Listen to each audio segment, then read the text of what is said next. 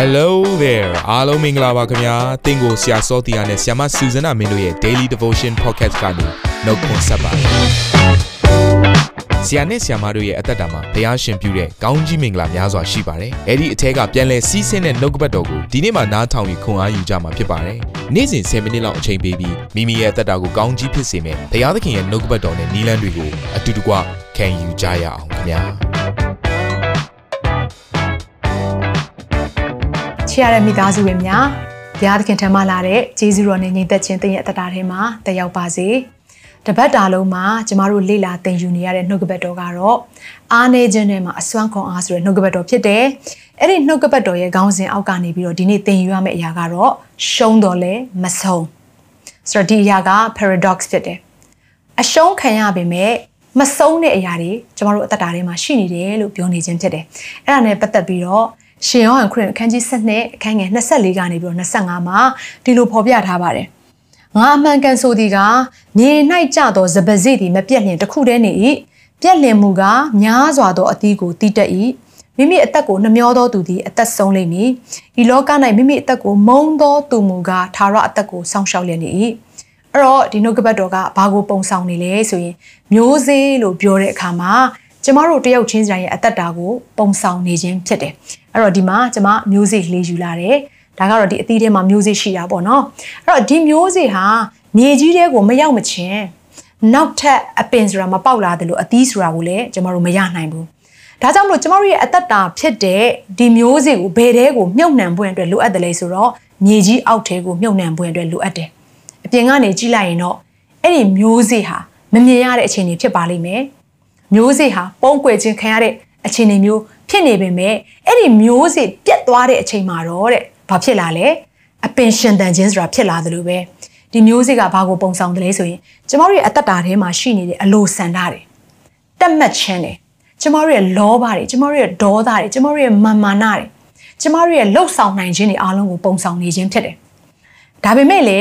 အဲ့ဒီအရာတွေအားလုံးကိုကျမတို့ဟာမြေကြီးတဲ့ကိုမြုပ်လိုက်မယ်ဆိုရင်တော့ ကျမတို့အသက်တာထဲမှာအဲ့ဒီမျိုးစေ့ကြီးပြတ်သွားပြီးတဲ့နောက်ပိုင်းမှာတော့ကောင်းတဲ့အပင်ရှင်သန်ခြင်းဆိုတာဖြစ်လာပြီးတော့အသီးမြောက်များစွာကိုကျမတို့ပတ်ဝန်းကျင်မှာရှိတဲ့သူတွေကကျမတို့အထဲထဲကနေပြန်လေပြီးတော့စားသုံးလို့ရမှာဖြစ်တယ်ဒီနေ့မိတ်ဆွေများ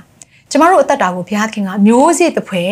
ပြင်ဆင်ထားတဲ့အတွက်ကြောင့်မလို့နေ့ရက်အစဉ်တိုင်းမှာကိုယ့်ရဲ့အသက်တာထဲမှာရှိနေတဲ့ဖျားမနှစ်သက်တဲ့အရာတွေအားလုံး ပျက်စီးသွားဖို့ရန်အတွက်ပုတ်ပြတ်သွားဖို့ရန်အတွက်ထိုဇာတိသဘောနဲ့ဆိုင်တဲ့အရာတွေအားလုံးကိုမြေကြီးထဲမှာမြုပ်နှံတက်ဖို့ရန်အတွက်လိုအပ်ပါတယ်အဲ့တော့မြေကြီးထဲမှာမြုပ်နှံပြီးတဲ့နောက်ပိုင်းမှာတော့မှောင်မိုက်ရာအရက်ဖြစ်တဲ့အဲ့ဒီမြေကြီးအောက်ထဲကနေပြီးတော့ဘာဖြစ်လာလဲတိုးထွက်လာတဲ့အပင်ဟာအလင်းတော်ထဲမှာလှပခြင်းနဲ့ဒီမြေကြီးရဲ့အထက်မှာရှိတဲ့လူတွေရဲ့အရှိမဘုရားရဲ့ဘုန်းတော်ထင်ရှားခြင်းနဲ့အတူအသက်ရှင်နိုင်မှာဖြစ်တယ် အာမင်ဒါကြောင့်မလို့ကျွန်တော်တို့အသက်တာကိုနေ့ရက်အစဉ်တိုင်းမှာဇာတိသဘောတွေကိုမြေကြီးအောက်အရက်ထဲမှာမြုပ်နှံပြီးတော့ပုတ်ပြက်စေတဲ့သူတွေဖြစ်ဖို့ရန်အတွက်လိုအပ်နေပါပြီ။ဒါမှသာလေရှုံးသွားတယ်လို့ထင်ရတဲ့မျိုးစေ့တစ်စီးကနေပြီးတော့အသီးနှံမြောက်များစွာကိုရိတ်သိမ်းရတဲ့အသက်တာကြီးဖြစ်လိမ့်မယ်။ဒါကြောင့်ကျွန်မပြောခဲ့တယ်ကျွန်တော်တို့အသက်တာဟာတချို့အရာမှာရှုံးတယ်လို့ထင်ရပေမဲ့အဆုံးသက်မရောက်သွားပါဘူး။အဲ့တော့ကျမ်းစာထဲမှာဘယ်လိုပြောထားလဲဆိုရင်အရှုံးခံခြင်းဆိုတာဟာ ခရစ်တော်နောက်ကိုလိုက်ခြင်းဖြစ်တယ်လို့ကျမ်းစာထဲမှာပြောထားပါတယ်။ရှင်လုကာခရစ်ဝင်ခန်းကြီး9အခန်းငယ်23ကနေ24မှာဒီလိုပြောထားပါတယ်။ထိုမှတပါလူအပေါင်းတို့အားမိန်တော်မူသည်ကငါ၌စိကက်လိုသောသူဖြစ်လျင်ကိုကိုကိုညှင်းပယ်ရမည်။ကိုလက်ဝါးကားတိုင်ကိုနေ့တိုင်းထမ်း၍ငါနောက်သို့လိုက်ရကြမည်။အကျဉ်သူသည်မိမိအသက်ကိုကယ်ဆယ်ခြင်းကအလိုရှိ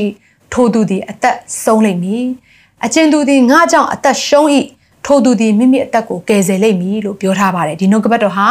ကျမတို့အလွတ်ကျမရမယ်နှုတ်ကပတ်တော်လည်းဖြစ်ပါတယ်ဒီနှုတ်ကပတ်တော်ကဘာကိုပြောနေရလဲဆိုရင်ညံပယ်ခြင်းလို့ပြောတဲ့အခါမှာအခုနကျမပြောခဲ့တဲ့အရှုံးခံခြင်းကိုပဲဆိုလိုနေခြင်းဖြစ်တယ်အဲ့တော့ညံပယ်ခြင်းလို့ပြောတဲ့အခါမှာဘာတွေကိုညံပယ်ရမလဲသူတို့ဘာနဲ့ပြိုင်ဆိုင်ခြင်းသူတို့ဘာကိုကိုယ့်လောက်မှမတော်ဘူးမတက်ဘူးနော်ကိုယ့်တက်အားနေတဲ့သူတို့ထင်မြင်နေတဲ့အရာတွေကိုယ့်ရဲ့လောဘတွေဒေါသတွေမာမာနတွေအားလုံးကိုညှင်းပယ်ရမယ် တော့ဘလို့ညှင်းပယ်မလဲတိတ်လွယ်ပါတယ်တိတ်ရိုးရှင်းပါတယ် say no ဥမာကျွန်မအထဲထဲမှာရှိနေတဲ့ဒေါသတွေမာမာနတွေမလျောက်ပတ်စောအကျင့်ကျင့်တဲ့အကျင့်တွေရှိနေဆိုရင်ကိုကိုကိုဘာပြောရမလဲစူဇန်နာ no မလုပ်ပါနဲ့အဲ့တော့ကိုယ့်ရဲ့နာမည်ကိုတက်ပြီးတော့ကိုယ့်ရဲ့အထဲထဲမှာရှိနေတဲ့မကောင်းတဲ့ဇာတိမျိုးစေ့တွေကို no လို့ပြောပြီးတော့မြေထဲမှာမြုပ်လိုက်ပါဒါဆိုရင်ကျွန်တော်တို့အသက်တာထဲမှာထိုးသခင်ရဲ့နောက်ကိုလိုက်ခြင်းဆိုတဲ့အရာဖြစ်ပေါ်လာပါလိမ့်မယ်ထိုသခင်ရဲ့နောက်ကိုလိုက်ခြင်းလို့ပြောတဲ့အခါမှာထိုသခင်ရဲ့နှလုံးသားဆန္ဒ အလိုကိုဆောင်ခြင်းလည်းဖြစ်ပါတယ်အဲ့တော့သိနာလဲမယ့်အရာကနေ့ရက်အစဉ်တိုင်းမှာကျမတို့ရွေးချယ်ရတဲ့အရာနှစ်ခုရှိတယ်ဘုရားရဲ့အလိုကိုဆောင်မလားတနည်းအားဖြင့်ခရစ်တော်ရဲ့ကားတိုင်းကိုထမ်းမလားခရစ်တော်နောက်ကိုလိုက်မလားဒါမှမဟုတ်ကိုယ်အလိုကိုဆောင်မလားဇာတိသဘောနဲ့အသက်ရှင်မလားဆိုတဲ့အရာဖြစ်တယ်အဲ့ဒီတော့ဘုရားရဲ့အလိုကိုဆောင်ခြင်းနေဆိုရင်ဘုရားရဲ့ကားတိုင်းကိုထမ်းခြင်းနေဆိုရင်တော့နော်ဖះနဲ့ရှင်ပြိုင်ပြီးတော့ကိုယ့်အလိုကိုဦးစားပေးနေလို့ကတော့ဖះရဲ့ကားတိုင်းကိုဘယ်တော့မှထမ်းလို့ရမှာမဟုတ်ဘူး သို့တော်လည်းကိုယ့်ရဲ့အလိုဆန္ဒကိုဖះရဲ့အရှိမချထားတတ်ပြီဆိုရင်တော့ဒီနေ့ကျမတို့အသက်တာဟာဖះရဲ့အလိုဆန္ဒနဲ့ချိတ်ဆက်လို့ရတဲ့အသက်တာဖြစ်သွားတဲ့အခါမှာဖះပေးတဲ့ကားတိုင်းကိုထမ်းလို့ရတဲ့အသက်တာဖြစ်လာလိမ့်မယ်အဲ့တော့ဒီနေရာမှာနားလေစေချင်တဲ့အရာကကျန်းစာကဒီလိုပြောထားတယ်လက်ဝါးကားတိုင်းကိုနှိမ့်တိုင်းထမ်းရမယ်တဲ့ကိုလက်ဝါးကားတိုင်းကိုအဲ့တော့ကိုယ့်ရဲ့အလိုဆန္ဒကိုနှိမ့်တိုင်းညင်းရမယ်လို့ပြောနေခြင်းဖြစ်တယ်အဲ့ဒါမှသာလေဘုရားထံကသွန်းလောင်းမဲ့အသက်တော်အမှုအရာတွေကိုကျမတို့ရဲ့အသက်တာအထဲမှာခံယူနိုင်မှာဖြစ်တယ်။ ဘုရားရဲ့အလိုဆန္ဒကိုကျွန်းနေလောက်နိုင်မှာဖြစ်တယ်။အာမင်။ဒါကြောင့်မလို့ကျမ်းစာထဲမှာပြောထားတဲ့အရာတစ်ခုရှိတယ်။ဒါကတော့ယေရှုခရစ်တော်ဂေသရှိမန်ဥယျာဉ်ထဲမှာဖြစ်ပခဲ့တဲ့အမှုရာလေးပါ။ခရစ်တော်ဟာကားတိုင်းမထမ်းခင်သူလုပ်ရတဲ့အရာတစ်ခုရှိတယ်။အဲ့ဒီဂေသရှိမန်ဥယျာဉ်ထဲမှာသူဒူးထောက်ပြီးတော့ဆူတောင်းနေတဲ့အချိန်မှာပြောခဲ့တဲ့စကားကအဖဤခွက်ကိုအကျွန်ုပ်ကနေလွန်သွားနိုင်လွန်သွားပါစေသို့တော်လည်းအကျွန်ုပ်အလိုမဖြစ်ပါစေနဲ့ အဖခမီးတော်ရဲ့အလိုပဲဖြစ်ပါစေဒီအရာကဘာကိုပြောနေရလဲယေရှုခရစ်တော်တော်မှာဒီလောကမှာအသက်ရှင်တဲ့အခါမှာသူ့အလိုကိုညှင်းပြီးတော့ကားတိုင်းထမ်းရတယ်ဆိုရင်ယေရှုကိုယုံကြည်ထားတဲ့ထိုဘုရားသခင်ရဲ့သားသမီးတယောက်ချင်းဆိုင်ဟာလေထိုသခင်ခရစ်တော်ပြုကျင့်တဲ့ဤသူကျွန်တော်တို့အသက်တာထဲမှာလှုပ်ဆောင်ဖို့အတွက်လိုအပ်ပါတယ်။ဟိုဖြစ်ချင်တာတွေအများကြီးရှိပါလိမ့်မယ်။သို့တော့ဘုရားလိုတော်ကိုပဲကျမတို့ဆောင်ရအောင်အဲ့လိုဆောင်ပြီဆိုရင်တော့ကျမတို့လှုပ်ဆောင်သမျှအရာအားလုံးဟာ သာရအသက်နဲ့ရှင်တဲ့လမ်းကိုရွေးချယ်ပြီးတော့လှုပ်ဆောင်ခြင်းဖြစ်တဲ့အတွက်ကြောင့်မလို့ဒီနေ့တစ်ချိန်မှာအသီးမြောက်များစွာကိုသိတာလိမ့်မယ်လူတွေကတင့်ကိုမြင်တဲ့အခါမှာတင့်အထဲကထွက်ပေါ်လာတဲ့အသီးတွေကမကောင်းတဲ့အသီးတွေမဟုတ်ဘူးအာမင်ဇာတိသဘောနဲ့ဆိုင်တဲ့အသီးတွေမဟုတ်ဘူးညူစုခြင်းနော်သူ့အသေးရပြအောင်ပြောဆိုခြင်းစသဖြင့်ထိုမကောင်းတဲ့အရာနဲ့ဆိုင်တဲ့အသီးတွေမဟုတ်ဘဲနဲ့ချစ်ချင်းဝမ်းမြောက်ခြင်းငြိမ်သက်ခြင်းစိတ်ရှည်ခြင်းကျေးဇူးပြုခြင်းသစ္စာဆောင်ခြင်းနူးညံ့သိမ်မွေ့ခြင်း ကာမဂုဏ်ချုပ်တီးခြင်းဆိုတဲ့အသီးတွေကတင့်အသက်တာတွေကနေထွက်ပေါ်လာလိမ့်မယ်တစ်ဖက်မှာတော့အရှုံးခံလိုက်ရတယ်လို့ထင်ရပေမဲ့တစ်ဖက်မှာတော့ကောင်းတဲ့အသက်တာကြီးကိုကျမတို့ရရှိသွားတာဖြစ်တယ်ထိုအသက်တာကိုဘုရားကဘာပြောလဲဆိုရင်ထာဝရအသက်ကိုရတဲ့သူတွေရဲ့အသက်တာလို့ပြောတယ်ဒါကြောင့်မလို့ထာဝရအသက်ရှင်ခြင်းဆိုတာကတမလွန်ဘဝရောက်မှပဲရှင်တာမဟုတ်ဘူးအခုအချိန်မှာကိုယ်အလိုကိုညံ့ပယ်ပြီးတော့အသက်ရှင်နေဆိုရင်သင်ဟာထာဝရအသက်နဲ့အသက်ရှင်နေခြင်းဖြစ်တယ် ခရစ်တော်ရဲ့အသက်နဲ့အသက်ရှင်နေခြင်းဖြစ်ပါတယ်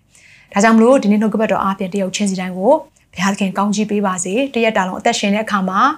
say no to your desire ကျမတို့ရဲ့အလိုဆန္ဒတွေအားလုံးကိုညှင်းပယ်ပြီးတော့ဘုရားရဲ့နောက်ကိုလိုက်ရအောင်ရှုံးတယ်လို့ထင်ရပေမဲ့လည်းအရှုံးမရဘဲနဲ့အောင်မြင်ခြင်းနဲ့ကျမတို့အသက်တာထဲမှာဖြစ်ပေါ်နေလိမ့်မယ်လို့ကျွန်မဒီနေ့နှုတ်ကပတ်တော်အားဖြင့်အရောက်ချင်းစီတိုင်းကိုတိုက်တွန်းနှိုးဆော်လိုပါတယ်အခုချိန်မှာမိသားစုဝင်တယောက်ချင်းစီတိုင်းအတွက်ကျွန်မအထူးဆုတောင်းပေးလိုပါတယ် ဖခင်သခင်ဒီချိန်တိုင်းအတွက်ကိုရောကိုကျေးဇူးတင်တယ်နှုတ်ကပတ်တော်ကိုခံယူနေကြတဲ့သားသမီးတယောက်ချင်းစီတိုင်းအသက်တာထဲမှာဒီနေ့ကိုရောမနစ်သက်တဲ့အရာများရှိပါကကိုရောဖယ်ရှားပေးပါဇာတိသဘောနဲ့ဆိုင်တဲ့အရာတွေအားလုံးကိုကိုရောပုတ်ပြက်စေပြီးတော့ အသက်ရှင်ခြင်းအကြောင်းကောင်းသောအသီးများကိုပေါ်ထွက်စရာအကြောင်းဖြစ်စေခြင်းလို့ငါဒီနေ့နှုတ်ကပတ်တော်အားဖြင့်သူတို့အသက်တာကိုကိုရောပြုပြင်ပေးနေလို့ကိုရောကိုကျေးဇူးတင်ပါတယ်နှုတ်ကပတ်တော်ကိုကြားနာတဲ့သူတယောက်ချင်းစာရဲ့အသက်တာထဲမှာလည်းကြားနာယုံမျှတာပြုတော်သူမဟုတ်ဘဲနဲ့လက်တွေ့ကျင့်ဆောင်တော်သူများဖြစ်စေပါမင်္ဂလာရှိတော်သူများဖြစ်စေပါဘုရားသခင်အထူးသဖြင့်ကိုရောသူတို့ရဲ့အသက်တာထဲမှာမကြော်လွှားနိုင်တဲ့ထိုအားနေခြင်းနဲ့ဆိုင်တဲ့အရာတွေရှိပါလိမ့်မယ်တန်ရှင်တော်ဝိညာဉ်တော်ဘုရား ဒီနေ့နှုတ်ကပတ်တော်အားဖြင့်သူတို့ကိုပြန်လဲပြီးတော့တတိပေးပါ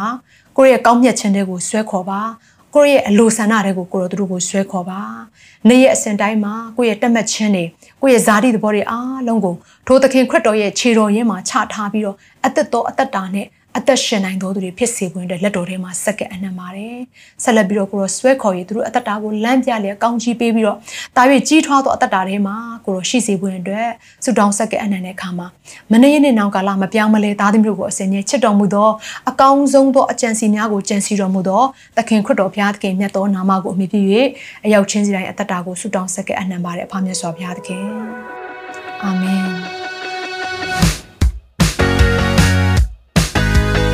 နာတော်တာစင်သူတိုင်းရဲ့အသက်တာမှာကောင်းကြီးဖြစ်မယ်ဆိုတာကိုကျွန်တော်ယုံကြည်ပါတယ်။သင်ရဲ့အသက်တာအတွက်များစွာသော resource တွေနဲ့ update တွေကို Facebook နဲ့ YouTube platform တွေမှာလည်းကျွန်တော်တို့ပြင်ဆင်ထားပါတယ် Facebook နဲ့ YouTube တွေမှာဆိုရင် search box ထဲမှာစူဇနာမင်းလို့ရိုက်ထည့်လိုက်တဲ့အခါအပြာရောင်အမှန်ချစ်ထားတဲ့ Facebook page နဲ့ YouTube channel ကိုတွေ့ရှိမှာဖြစ်ပါတယ်နှုတ်ကပတ်တော်တွေကိုဗီဒီယိုအားဖြင့်လည်းခွန်အားယူနိုင်ဖို့ရန်အတွက်အစင်သစ်ပြင်ဆင်ထားပါတယ်ကျွန်တော်တို့ဝိညာဉ်ရေးရာအတွက်အထူးလိုအပ်တဲ့ဖွင့်ပြခြင်းတွေနဲ့ခွန်အားတွေကိုရယူလိုက်ပါ နောက်ရက်များမှာပြန်ဆုံတွေ့ကြရအောင်ခင်ဗျာ